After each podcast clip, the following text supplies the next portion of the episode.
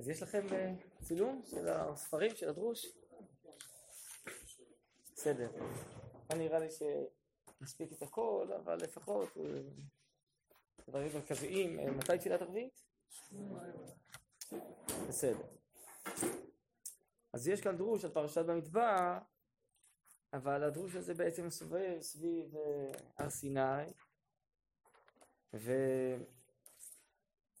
ונחבר את זה למושג של איש מחנה הוא איש על דגלו. ואיך זה קשור להר סיני? יש אה, הרבה מדרשים על הפרשה שלנו. כמו שאתה מעביר מדרש רבה ולקושימוני וזה, ש... בהר סיני ירדו המלאכים עם הקדוש ברוך הוא דגלים דגלים ונתעבו עם ישראל להיות דגלים כמותם ואז הקדוש ברוך הוא אומר אני אעשה יותר דגלים כמו שהתאביתם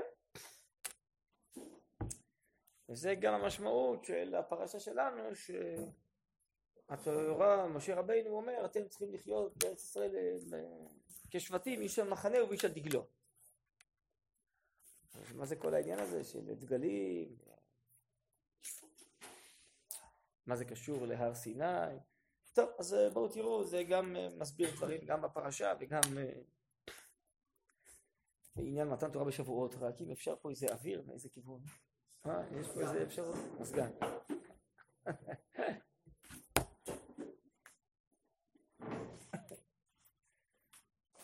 טוב, אז אני קורא במדרש, מה רבי יוחנן, מה דכתיב? נרננה בישועתך ובשם אלוקינו נדגול, כן? זה פסוק בתהילים. בשעה שנגלה הקדוש ברוך הוא על ישראל בסיני ירדו עמו כ"ב אלפים מרכבות של מלאכי השרת. היו כולם דגלי דגלים. כיוון שראו אותם ישראל מיד התאבו לעשות דגלים כמותם דכתיב הביאני אל בית היין ודגלו עלי אהבה. זה פסוק בשיר השירים וחז"ל מייחסים את זה להר סיני. צריך להבין למה הר סיני נקרא בית היין אמר הקדוש ברוך הוא חייכם אני אעשה אתכם דגלים כמו שהתאוויתם דכתיב ימלא השם כל משאלותיך.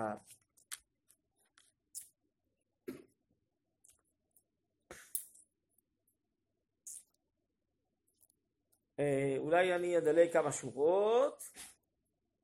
והנה במלאכי השרת שהם בעבודתם מוטבעים אין להם אפשרות לצאת מעניין מצבם לשנות מעבודה לעבודה. מוטבעים הכוונה היא נחקקו על איזה טבע. זה טבעו של גבריאל, לא כטבעו של מיכאל. לא רק זאת, אין להם אפשרות לצאת מעניין מצבם לשנות מעבודה לעבודה, והם גם כן פרטיים, דווקא במה שנתייחדו. הרי כל מלאך עושה שליחות אחת. בהם ייתכן ודאי דגלים מיוחדים. כי אין החפץ תלוי בהם לבחור בעניין זולת טבעם. הרי מה זה דגל? הדגל של השבט הזה, גם במדרש תנחום על הפרשה אומר שלכל שבט היה דגל, מפה וצבע, לפי הצבע של האבן שלהם בחושן. אז הדגל הזה הוא לא כמו דגל אחר. אז ברור שהמלאכים, כל אחד מתאווה להיות רק לפי הדגל שלו. כי יש לו רק שליחות אחת, הוא פרטי, הוא לא אמור לעשות דגל בשליחות אחרת. בכלל אולי צריך להסביר גם את ההבדל שמובא בספרים בין המלאך לבין האדם. שהמלאך הוא כוח של קדושה כבר בפועל והאדם הוא בכוח אז המלאכים מיד רצו ושוב מוציאים לפועל, כן, חיים את מדרגתם, את שליחותם, את טבעם. האדם, אומר המהר"ל, נכון, אדם מלשון אדמה, שבאדמה אתה זורע והיא מגדלת, היא יכולה להוציא לפועל הרבה דברים. האדם בעצם כל הזמן עניינו להוציא לפועל יותר ויותר לאינסוף. ולמה לאינסוף? ובזה מעלת האדם מעל המלאך. המלאך זה שליחות אחת, והאדם בצלם אלוקים, צלם זה תבלית תמצית הכללות. במיוחד כנסת ישראל וליצות נשמתי שיש לכל אחד מישראל, זו תמצית כל הכוחות של כל הבריאים וכל ההוויה וכל העולמות. לכן האדם יכול לעשות את כל השליחויות שבעולם, כל השליחות. אבל בכל זאת הרב יאמר יש גם לכל אחד מישראל שורש נשמתי שונה מחברו, ויש לו תאווה, יש לו נטייה, יש לו אהבה לאיזה סגנון מסוים.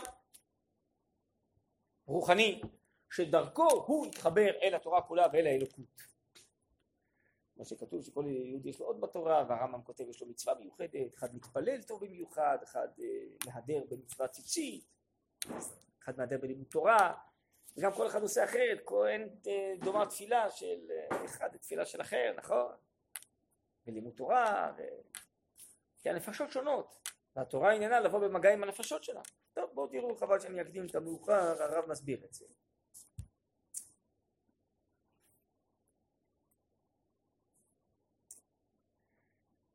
אה, מה שאין כי הם בני אדם שהם כוללים כל המדרגות כמו שהם ברגרח ז"ל, בנפש החיים, בביאור צלם אלוקים אם כן לא שייך לדגלים כולם יכולים לעבוד בכל הדרכים הכל לפי הצורך אלא שמכל מקום כל אחד מוטבע במידה פרטית גם כן בפני עצמו על פי שורש נשמתו וגם כן על פי מזג גופו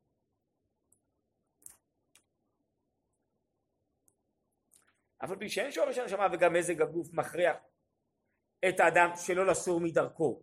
מכל מקום ודאי תשוקתו יותר גדולה בעבודה שטבעו מוכשר לה.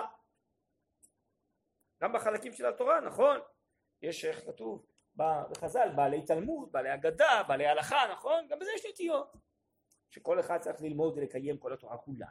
בכל אופן, הוא פרה ורבה בתחום הזה, במקצוע הזה של הקודש, נכון? יש בעלי סוד, בעלי גרז'י, נכון? יש כל מיני סגנונות של נפשות, זה נובע מהמגע בין חוכמת הקודש והאלוקיות הרוחנית העליונה לבין נפש האדם. עכשיו אם כן, מה זה הפירוש נתאוו להיות גלים כמותם? אז זה נתאוו ישראל, שיינתנו להם דרכים וכוח לבחור לכל אחד עבודה, כפי נטייתו דוגמת מלאכי השרת, זה עניין הדגלים. אלא שאצל מלאכי השרת הם אה, נחקקו והם אה, מוכרחים על זה. אנחנו נגיע לזה מתוך בחירה חופשית, אבל נתאוו בהר סיני לבחור כל אחד מה שבאמת נטייתו מורה לו. על כן אמר, הביא יין אל בית היין ודגלו עלי אהבה. מה זה בית היין? זה הר סיני, נכון? למה בית היין? דימה כאן הר סיני לבית היין, כי נודע מדברי הטבעיים זה בעלי המחקר, המדע, בסגולת היין, שמגביר את כוח התכונה הטבעית, על כן נכנס יין, יצא סוד. וכאן גם כן מצד חמדת נועם העבודה הקדושה, שראו ממלאכי השרת, וראו אותם חונים איש על דגלו כפי טבעו, נתעוררו גם כן לבקש עבודה, כל אחד כפי טבעו, כטבע היין, להגביר כוח הטבע של האדם. כי תעורר את הרחום לרחמים והגיבור לגבורה וכיוצא בזה. כמו הרבה אנשים שותים את אותו יין, כל אחד מתוך היין מתעורר למשהו אחר. זה יש לו נטייה לגבורה, אז uh, הוא יהיה עוד יותר גיבור. זה יש לו... Uh, נטייה... אה, סוף מגדלת משהו שהוא מאוד בולט אצל הבן אדם. טוב, בסדר. אז הר סיני, המגע עם קדושת התורה, גרמה לכל אחד להגביר את הנטייה הטבעית שלו לסגנון מיוחד שבתורה, לשייכות מיוחדת, זה הגביר את הרצון שלו לתפילה, וזה את הרצון שלו לתורה, כל אחד למשהו אחר.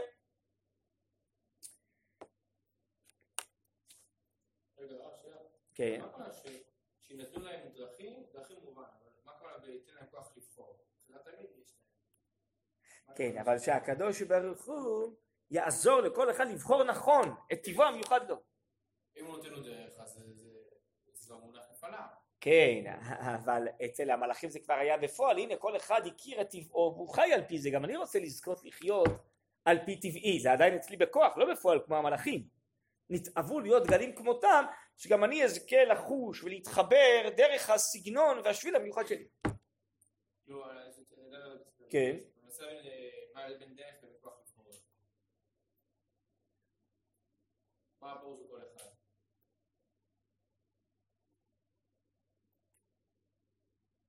מעבר לתורה הכללית שניתנת בהר סיני ששם ניתנה תורה לכל ישראל וכל ישראל צריכים לשמור כל התורה וכל המצוות וללמוד את כל התורה נכון?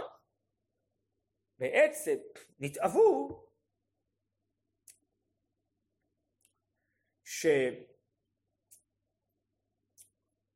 שהקדוש ברוך הוא יעזור לכל אחד מהם לבחור נכון ולפתח את הנטייה הטבעית שלו ולהיות חי בטבעיות לגמרי את הקודש על פי הטבעיות שמתאימה לו, כי אני יכול בסוף לזייף, ולא לחיות ולחנוק את הטבע המיוחד שלי, נכון?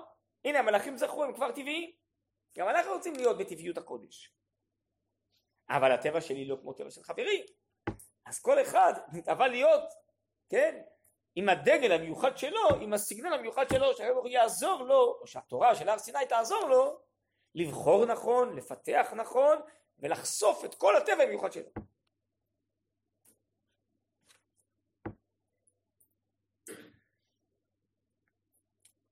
על כן ודגלו עליי אהבה שאהבתי גם כן חילוק העבודה שתהיה פונה לפי טיבו של כל אחד על פי לוחו בקודש אבל לעניין הדגלים לא ייתכנו כי אם על פי דרך העבודה שבלב וכל ענייני המידות המיוסדות על טהרת הקודש המסור לכל אחד ואחד בזה השבילים שונים כי כל אחד יש לו תכונה מידה סגנון שונה מחברו אבל עצם מצוות התורה אין שייך בהן דגלים ופרטים, וכולם שווים לטובה. כל ישראל חייבים לשמור את כל התורה ומצוות, והרוחניות של התורה שייכת לכולם, נכון? מה זה אומר בעצם?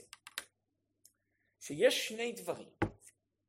יש תורה אלוקית עליונה שיורדת מן השמיים, מרוממת מעל כולנו, מעל העולם, מעל העולמות.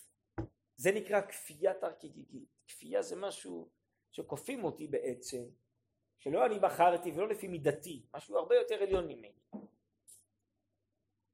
אבל מצד שני, איך נהיה שייכים לאותה תורה עליונה? אם היא כל כך עליונה ונשגבה, אז היא בכלל לא קשורה אלינו. הקדוש ברוך הוא ברא בטבע האומה הישראלית בכללותה וצבעים בכל אחד מאחד, שיהיה לו אהבה וחשק ורצון ושייכות אל התורה, ויהיה לו מגע עם התורה בשביל, בסגנון מיוחד שלו. אז יהיה לו את התורה בזכות זה שיש לו איזה מגע אל התורה, למשל גויים, התורה לא מדברת אליהם בכלל. היא לא מתאימה להם. איך הרב אומר באורות? מה שחז"ל אמרו בסוף מסכת סוטה, מלכות תהפך למינות, תתפשט בעולם כפירה, כי הטבע של האנושות יתעורר. ואז האנושות תשים לב שהנצרות, האסלאם, הלבישו על הנפש הגויית כל מיני דת, מצוות, מעשים שלא מתאימים, זרים. ואז הם חיל בלד היה קיינו, יקיעו את כל ההשפעות, כי זה לא מתאים לטבעם. אז אה, ריבונו שלנו יכול להוריד תורה לעולם, אבל אם הוא לא יברא באומה הישראלית גם טבע של שייכות לתורה, אז הוא לא נתחבר, לא יהיה מגע. זה כמו שיש בעולם חוכמה. נכון? אז למה האריות לא יושבות פה ליד השולחן ולומדות תורה? כי אין להם מגע עם זה, אין להם מגע עם החוכמה. לאדם כן, יש לו שכל שיכול להיות מגע עם החוכמה. נכון? זה כמו עיוור, אין לו מגע עם המציאות, עם ראיית המציאות. כי אין לו את החוש המתאים, חסר לו, נכון? אז זה לא מספיק שיש תורה עליונה מן השמיים. אם לא היה בורא השם צבעים בתוכנו, טבע של שייכות, לא היינו מסוגלים להיות מחוברים. זה נקרא דגל, זה דגלו. והחידוש הוא שכל אחד יש לו טבע אחר ושביל אחר קצת. מה השאלה? כן. יש בכלל טבע לאומה הישראלית, ישראל ואורייתא זה דבר אחד, טבע של סגולה, צמאון ושייכות. זה מתאים הרב אומר באורות לפסיכולוגיה הלאומית הכללית שלנו, אבל יש גם טבע אישי פרטי, כי כל אחד בסוף שורש נשמתו הוא שונה, יש לו ברוך חכם הרזים, כל אחד יש לו רז אחר, סוד אחר, ומתוכו הוא מביט על המציאות וגם בא במגע עם התורה מכיוון אחר קצת. המפגש של הנתינה עצמה הייתי מצפה שרק ניפגש עם הפן הכללי. הפן הפרטי יבוא אולי אחר כך. כן, אבל אין אפשרות. אם אין מגע, מה שניסיתי להסביר, אם אין מגע, נקודת מגע, אי אפשר לבוא במגע. זה יכול לנחות עלינו, אה, או להישאר מעלינו, נוגע ולא נוגע ובכלל לא להתחבר אלינו, או לרסק אותנו. אבל מגע אמיתי שמתוך אהבה, ושקיקה של התעלות והתחברות, זה רק אם יש איזה טבע של שקיקה, של שייכות. אחרת אין נקודת מגע.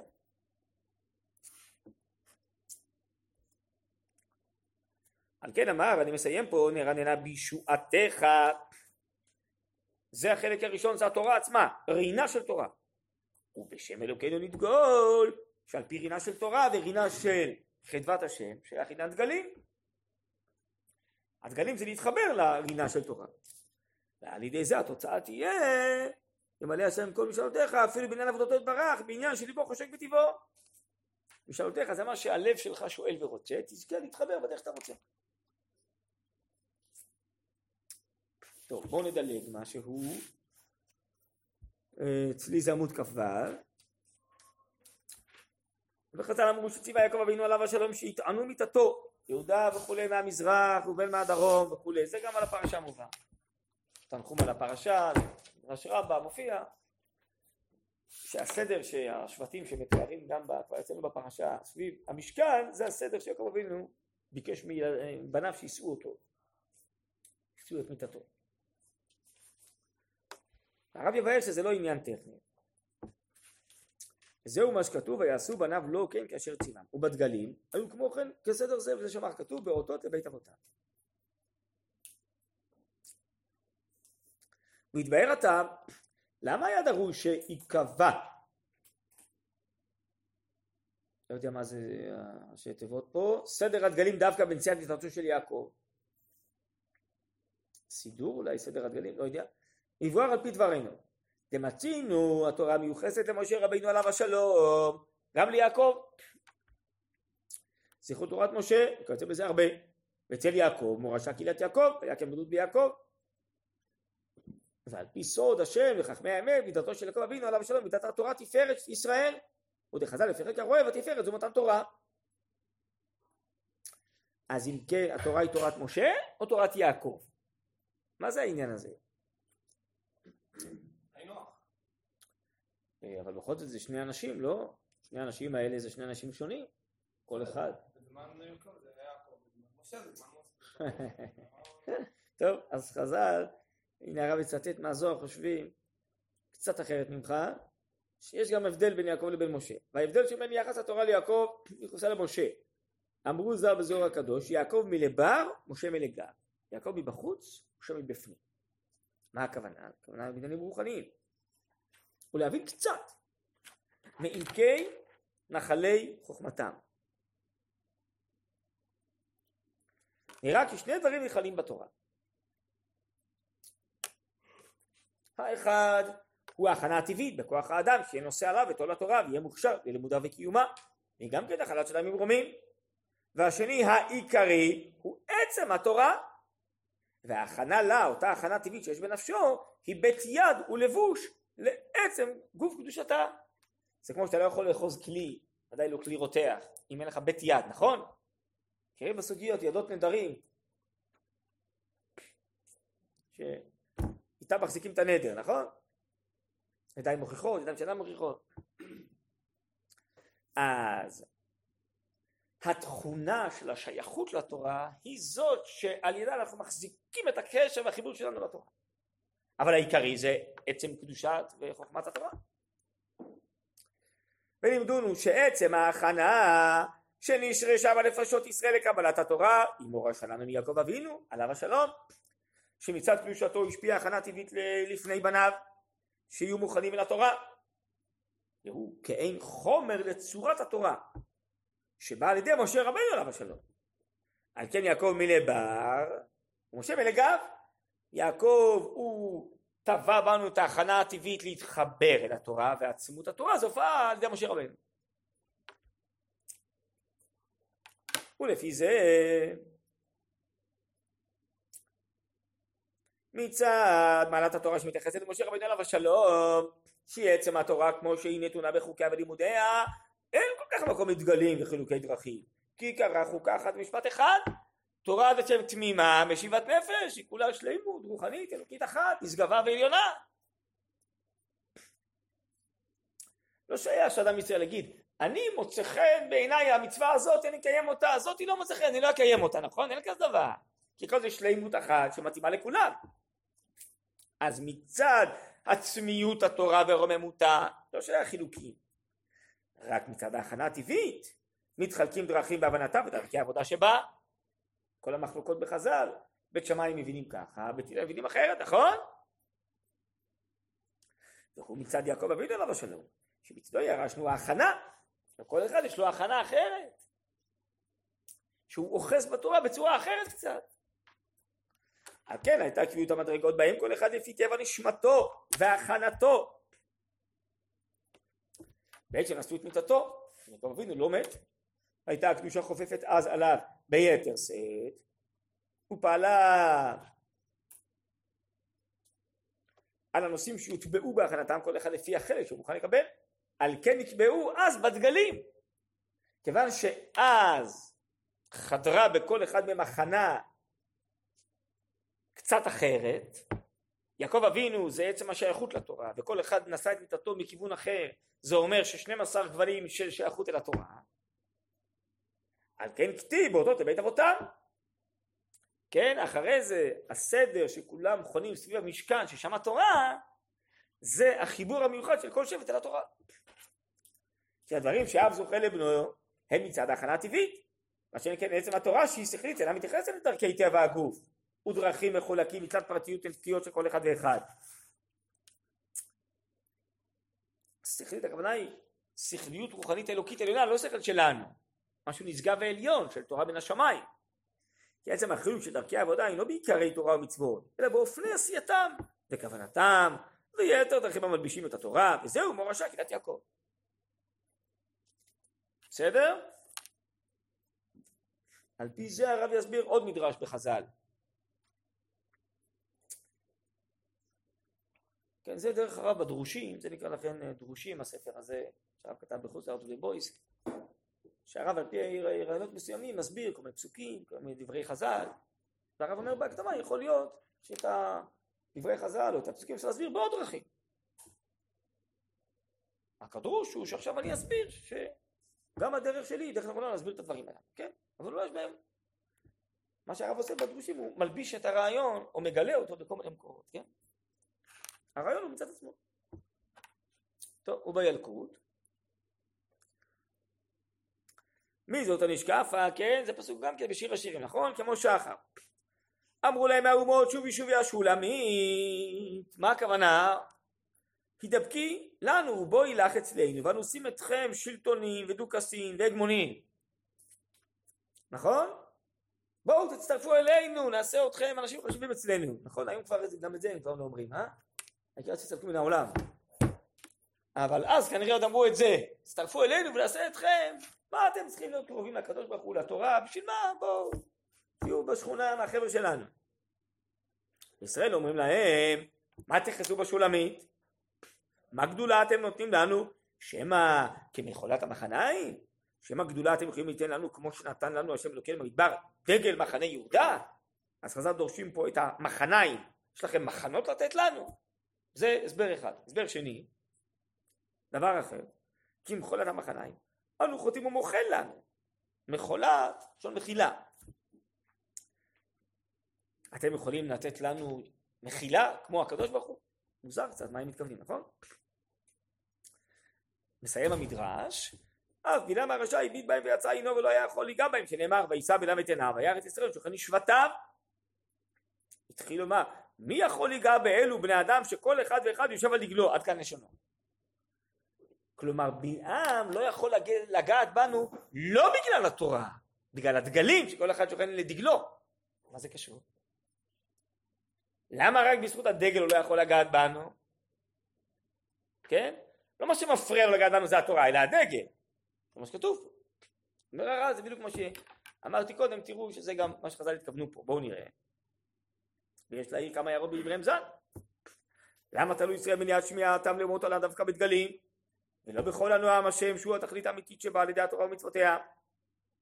גם מה שכתוב דבר אחר עם מחלתם החניים שאנו חוטאים והוא מוחל. נראה שהוא גם כן מקושר לטענת האומות. ולמה רק טובה זו ציינו?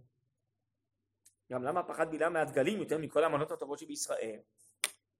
אמנם על פי דברינו יבואר שאמרנו שהדגלים שבאו על ידי הכנתם מיעקב אבינו ונגמרו על ידי תאוותם להיות דגלים כמלאכי השרת כלומר יעקב אבינו הנחיל את התוואים. בהר סיני התוואים יצאו מן הכוח אל הפועל בדומה למלאכים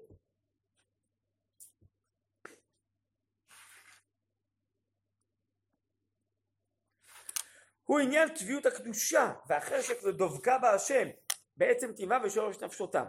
הוא כאין לבוש לכל עניין התורה ומצוותיה. הבית יד, החיבור לתורה ומצוות. ומצד זה ההרגש באו דרכי העבודה שמייצרים את התורה גם כן כמה ענייני פרישות והנהגות קדושות שאינן מפורשות בתורה כמו שהמנו של גיד ישראל קדושים הם ונהגו בו איסור זה דברים שבאו מצד עצם הקדושה הטבעית שבישראל נכון? איך הגמרא ברכות אומרת ישראל מחברים מקפידים על עצמם מברך על כזית כביצה נכון? או אה, החמירו בנות ישראל אפילו טיפה דם כנידה נכון? וזה לא לפי התורה מאיפה בא הרצון הזה לחומרה, לחומרות האלה. כי נפשות ישראל רוצות להוסיף קדושה, להוסיף אלוקיות.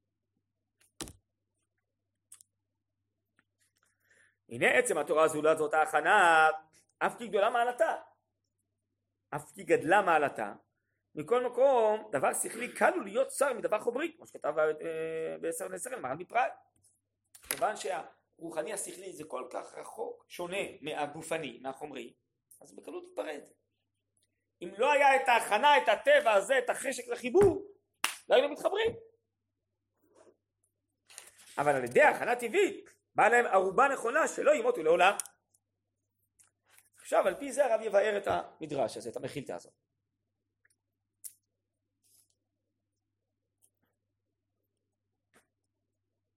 שמעוני והנה אומות העולם בראותם שלמותם של ישראל בטבעם והכנתם למידות טובות וחוכמות רבות.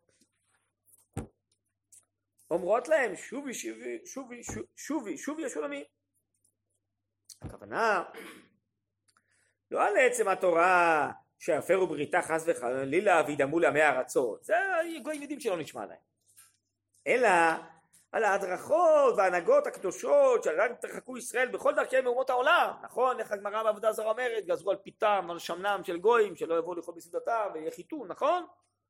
אז כל ההנהגות האלה מבדילות בינינו לבין הגויים דתיהם שונות מכולם אז אומות העולם מציעות טוב את התורה תשמרו אבל תעזבו את כל ההנהגות המיוחדות שלכם. או במילים אחרות תורה שבכתב תקיימו בלי תורה שבעל פה תורה שבעל פה זה כל מה שבמשך הדורות הופיע. ו... חיי אתה בתוכנו, תורה שבעל פה זה כל השייכות הפנימית שלנו, הטבעית לדברים. ועל כן אינם מתחברים להם, ואומרות אומות העולם הרי אתם יכולים לשמור את התורה זולת אלה הנוספות. אבל באמת הנוספות בהנהגות הקדושה והפרישות באות מעצם טבע הקדושה של ישראל שנדמו בהן למלאכי השרת וזאת גדולה אמיתית ואיך יבטלו זה בשביל גדולת אומות העולם? על כן מה אומרים ישראל לאומות העולם? למה הם לא הצטרפו אליהם? על כן אומרים להם וכי אתם יכולות ליתן לנו גדולה כדגלים?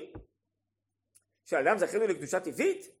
והיא תדריכנו לאותה פרישות? הם לא עונים אתם לא יכולים לתת לנו תורה כי לנו לא על זה הוויכוח על התורה בכלל אומר הרב הוויכוח הוא על השייכות לתורה אתם יכולים לתת לנו את התכונה את החיבור הזה לתורה, רק התורה שבעל פה, רק מנהגי ישראל לא נותנים לנו את הדבר הזה. אם נצטרף אליכם ונעזוב את מנהגי ישראל לא נתחבר אל התורה, כמו שאמר הלזבי שהחומר והשכל לא מתחברים. אז זה הדיון בישראל לאומות העולם, על הדגלים, על החיבור.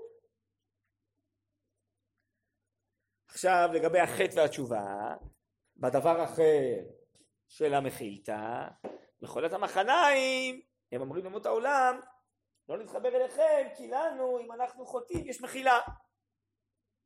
מה זה אומר? אומר הרב זה אומר את אותו דבר.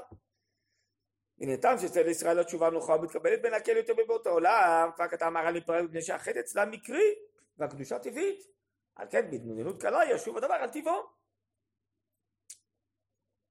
וזהו גם כן משורש הדגלים וכל ההנהגות הבאות מצד טבע הקדושה כולן נותנות אומץ לטבע הקדושה על כן אמרו כי מחולת המחניים שאנו מחוטים והוא מוחה לנו בקל אנו מצד טבע הקדושה שבאנו שעל ידי זה באנו לתאוות גלים וזהו כי מחולת המחניים בזכות טבע הקדושה החטא הוא זר לנו מלאכותי וקל לנו לחזור בתשובה לטבע שלנו אז זה מה שישראל אומרים לאומות העולם מה נתקרב אליכם? יש לנו טבע ובזכותו כן אנחנו קרובים להשם וחטאינו נמחלים אתם יכולים לתת לנו את הטבע הזה? אין לכם את הטבע הזה. עכשיו עניין בלעם. בלעם הרשע רצה להתאמץ להסיר מהם שלמות התורה על ידי קטרוגו, נכון? וחשב כי ממלאת התורה ורוממותה לא תהיה נדבקת עם בני אדם כל כך, ויהיה נקל להפרידה מהם. הוא רצה זמם להפריד ישראל מהתורה, בלעם הרשע. ואז מה הוא רואה בעינו המיוחדת? אני לא יכול להפריד אותה מהתורה. למה? כי הם שוכנים, כל אחד יש לשבטו, שוכנים לדגלים. מה זה אומר? שהוא זיהה גם את הטבע המיוחד של החשק והחיבור לתורה, לכן הוא יודע שהם לא ייפרדו. לא בגלל עצם התורה הם לא ייפרדו, הם לא ייפרדו בגלל הדגלים, בגלל החיבור הטבעי לתורה הם לא ייפרדו. אבל כשראה שהבית יד של התורה שהוא הכנת הקדושה ירושלים מאבותיהם ונימי שכל בטבעם אמר מי יכול ליגע באלו שהם יושבים איש על דגלו בהדרכה מיוחדת בדרכי השם מצד עצם טבעם החושק באמת לקרבת אלוקים אם כן שלמותם דבקה להם על כן אי אפשר להזיזה מהם ואמר מה טובו עליך יעקב משכנותיך ישראל וזה יעקב וישראל אמרנו זה הכנה הטבעית של האבות של יעקב אבינו נכון? זה נכון? עם מגבעות, מהרים, הוא רואה את הערים, את הגבעות, שזה לפי חז"ל, האבות, האימהות, משם נחלנו את טבע הקדושה, נכון? היינו הכנתך למידות טובות ומעשים הטובים ולתורה, מושרשת בהם מאוד כנחלים, כגנות, כארזים, ממילא לכן אי אפשר יהיה להפריד אותם מהתורה, בסדר? אז בעצם אומר הרב, אותו רעיון התבטא שם. עכשיו, בחלק האחרון כאן של הדרוש, אחרי שהרב העריך מאוד בעניין הטבע, עכשיו יגיד הרב, כן, לכן זה מאוד הכרחי וחשוב הטבע, אבל מצד שני, שלא נשכח שעל ידי הטבע, אז אני יכול להגיע למשהו שהוא קרוב אליי, אבל התורה היא מאוד עליונה ומאוד נשגבה, הרבה למעלה מהניצוץ הקטן שחודר לתוכי ואני נמשך אליו וחושק בו וזה מתאים לי ואני אוהב אותו וזה שייך אליי. זה הצד הכי נמוך של התורה שנגע בי זה ניצוץ שחדר לתוכי. אבל מה עם השפע האלוקי העליון שהוא מעל כל העולמות ולפני העולם? מסתכל בתורה ברא עלמא נכון? ו... איך אפשר יהיה להתחבר לשפע האלוקי העליון הזה? וזה הר סיני. דיברנו עכשיו על הבחינה שהר סיני הוא כמו יין שמעורר את התוואים שלי. בסדר, זה יפה, אבל זה לא רק הר סיני, הר סיני זה גם שאומרים ישראל למשה רבינו, גש אתה ושמע, אם נמשיך לשמוע אנחנו נמות, זה שפע אלוקי עליון הרבה מעלינו, מעל התוואים והחיבורים הפרטיים שלנו, נכון? וכל ההיסטוריה זה לנוע כלפי הר סיני, לנוע כלפי השפע האלוקי העליון, לא להסתפק רק בחיבור שלנו. אמרנו זה יעקב מלבר, אבל יש משה מלגר, עצמיות, קדושת התורה, זה מה שנשגב העליון הרבה למעלה מאיתנו, זה הר סיני. אז איך נטפס לדבר הזה העליון אם כל הזמן נישאר רק בחיבור הטבעי של כל אחד ואחד? הוא אומר אה, הרב כאן בהמשך בשם חז"ל, לא, ריבונו שלם מראש תכנן את זה. כן. ההכנה הטבעית שיש לנו, זה אומר שיש לנו סוף רוחני? למה סוף? אם מצד ההכנה הטבעית, אז באמת זה דבר מוגבל. כי כל אחד הכנתו שונה מחברו. אבל הדבר המוגבל הזה צריך להתחבר ולהידק מהבלתי מוגבל, שזה התורה בהר סיני. וזה עכשיו השאלה, איך נרומם את ההכנה הטבעית שתתחבר לבלתי מוגבל. זו השאלה הבאה. עכשיו בזה הרב יטפל בפסקה הבאה. הוא עוד פעם ילמד את זה משיר השירים עם דברי חז"ל. הנה כתוב שם בשיר השירים הביאני אל בית היין ודגלו עלי אהבה ודרשו ממנו חז"ל על דגלים שנתעבו בית מתן תורה וניתן להם ועוד כתוב סמכוני באשישות רבדו לי בתפוחים יכולת אהבה אני דרשו חז"ל סמכוני באשישות אלו הלכות המאוששות כן. מה, סמכו לי באשישות. כן. אלו הלכות המאוששות. הלכות מדויקות מפורטות מכותבות. בסדר? ככה חז"ל דורשים. רבדו לי בתפוחים אלו אגדות שריחן יפק התפוחים כיכולת אהבה אני. והכוונה כי ההכנה שבאה מצד עצם הקדושה נתנה כוח גדול בישראל להיות חושקים לאהבת זה יתברך בטבע אמנם התורה היא למעלה מהטבע של אהבה זו, כן? למה הרב פה מערבב את הקדושה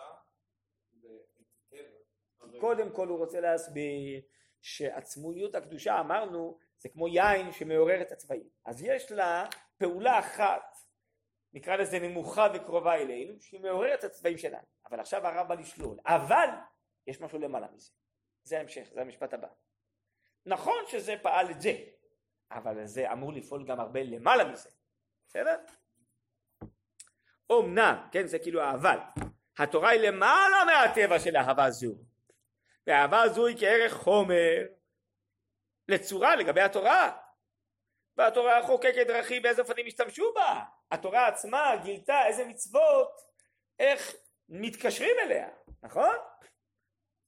כלומר התורה לא מסתפקת בזה שהצבעים שלנו יתעוררו. זה מאוד יפה דגלים וזה זה מאוד טוב. אבל יש משהו למעלה מזה. כי גלוי וידוע לפני הקדוש ברוך הוא כי באהבה זו לבדה עוד לא תושג התכלית. ולא יגיעו לעיקר ההשגה שהם חפצים בדבקה באלוקים חיים. כי אם כאשר יתהלכו על פי אהבה זו בדרך התורה ואורחותיה. מה זה אורחותיה? מצוותיה אז רק אז ישיגו אורחות חיים חיים זה התורה עץ חיים מן המחזיקים בה אם כן מצד מצב האהבה בעצמה שאי אפשר שישיגו מבוקשם דומים ממש לחולת אהבה נכון? חולת אהבה אני מה זה חולת אהבה? דהיינו היא חולה מרוב תשוקה ואהבה שלא אה, מצליחה להגיע אליה נכון? זה מחלה זה חולה זה כאילו משהו שלא מתממש. אז אומרת כנסת ישראל חולת אהבה אני אז מה צריכים לעזור לי? אני לא רוצה להישאר חולת אהבה אני רוצה להיות קשורה בעצם האהבה נכון? מה תעשו לי בשביל זה? סמכוני בעשישות רבדוני בתפוחים. תנו לי הלכות ואגדות. תנו לי תורה ומצוותיה וזה ירומם אותי לעצמיות קדושת התורה מעבר לצבעים המיוחדים שלי. בסדר? בואו נראה את זה בפנים. אם כן מצד מצב האהבה בעצמה שאי אפשר שישיגו מבוקשם דומים ממש לחולת אהבה מצד מניעת המבוקש. והתורה והמצוות זה משפט בתוך משפט אף שהן נראות כאילו אינן עצם המבוקש הם יביאו לעצם המבוקש. למה הם נראות שהם לא מצד עצם המבוקש? שהרי הטבע יחשוק קרבת אלוקים ודבקות. הוא נותן לו תורה ומצוות מעשיות בדקדוקים רבים. ואז ברגע הראשון אדם אה, חייב לקיים את כל המצוות והוא לא רואה איך זה מקשר ומחבר אותו לעצם הקדושה האלוקית של התורה. אבל זה יחזק את הנפש שתוכל להתרומם ולהתגדל הרבה עד שתבוא על ידי זה למעלה אמיתית שאז תוכל להשתמש באהבה. אתה לא תהיה חולת אהבה אלא בעצמיות האהבה רק על ידי התורה והמצוות ההלכות והאגדות. על כן אחר שאמר בדגלו עלי אהבה מצד האהבה הטבעית שזה אמרנו ירושם יעקב אבינו. אמר כי האהבה הטבעית אינה גמר התכלית.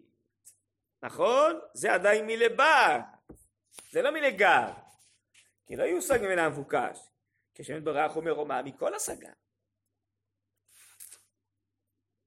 והאהבה הטבעית זה, זה השגה שלי.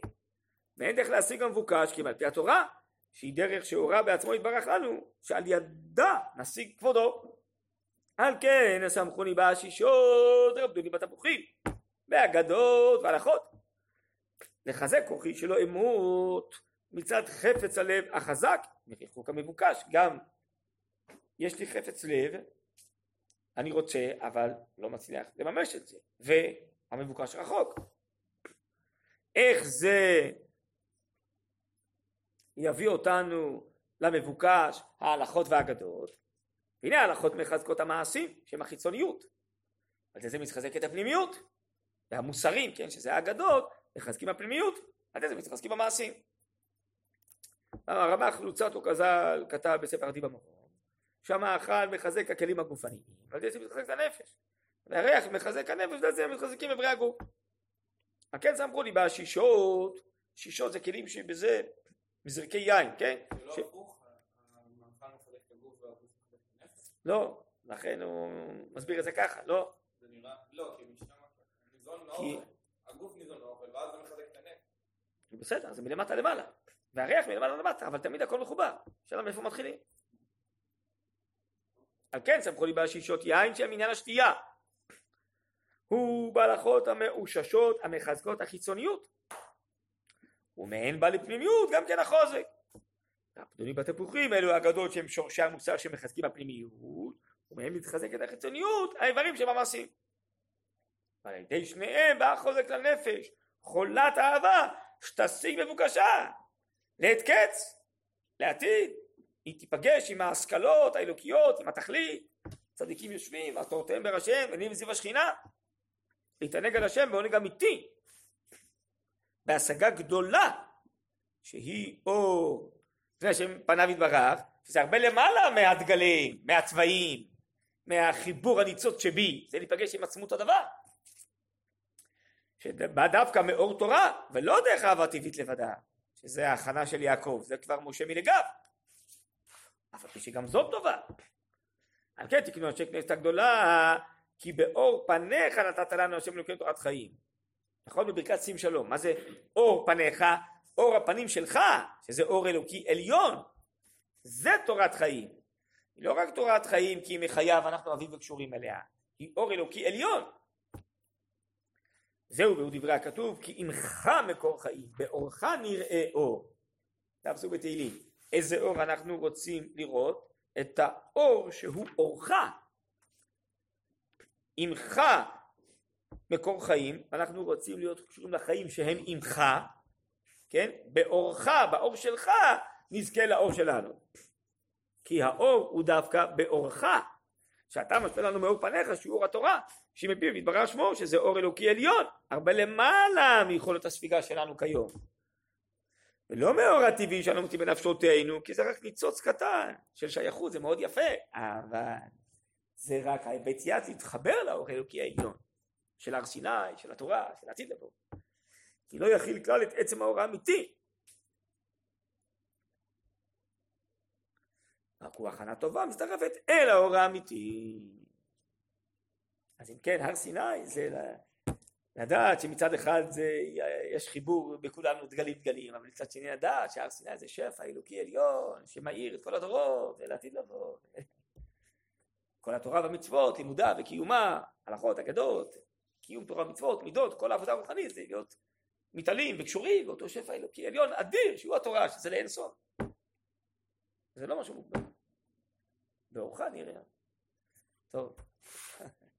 חג שמח. אה, מי מקליט את זה? אני יכול לבקש שתשלח את זה ל... כתובת? אז כתובת אני לא יודע, רק יש לי את הטלפון של ה... נכון.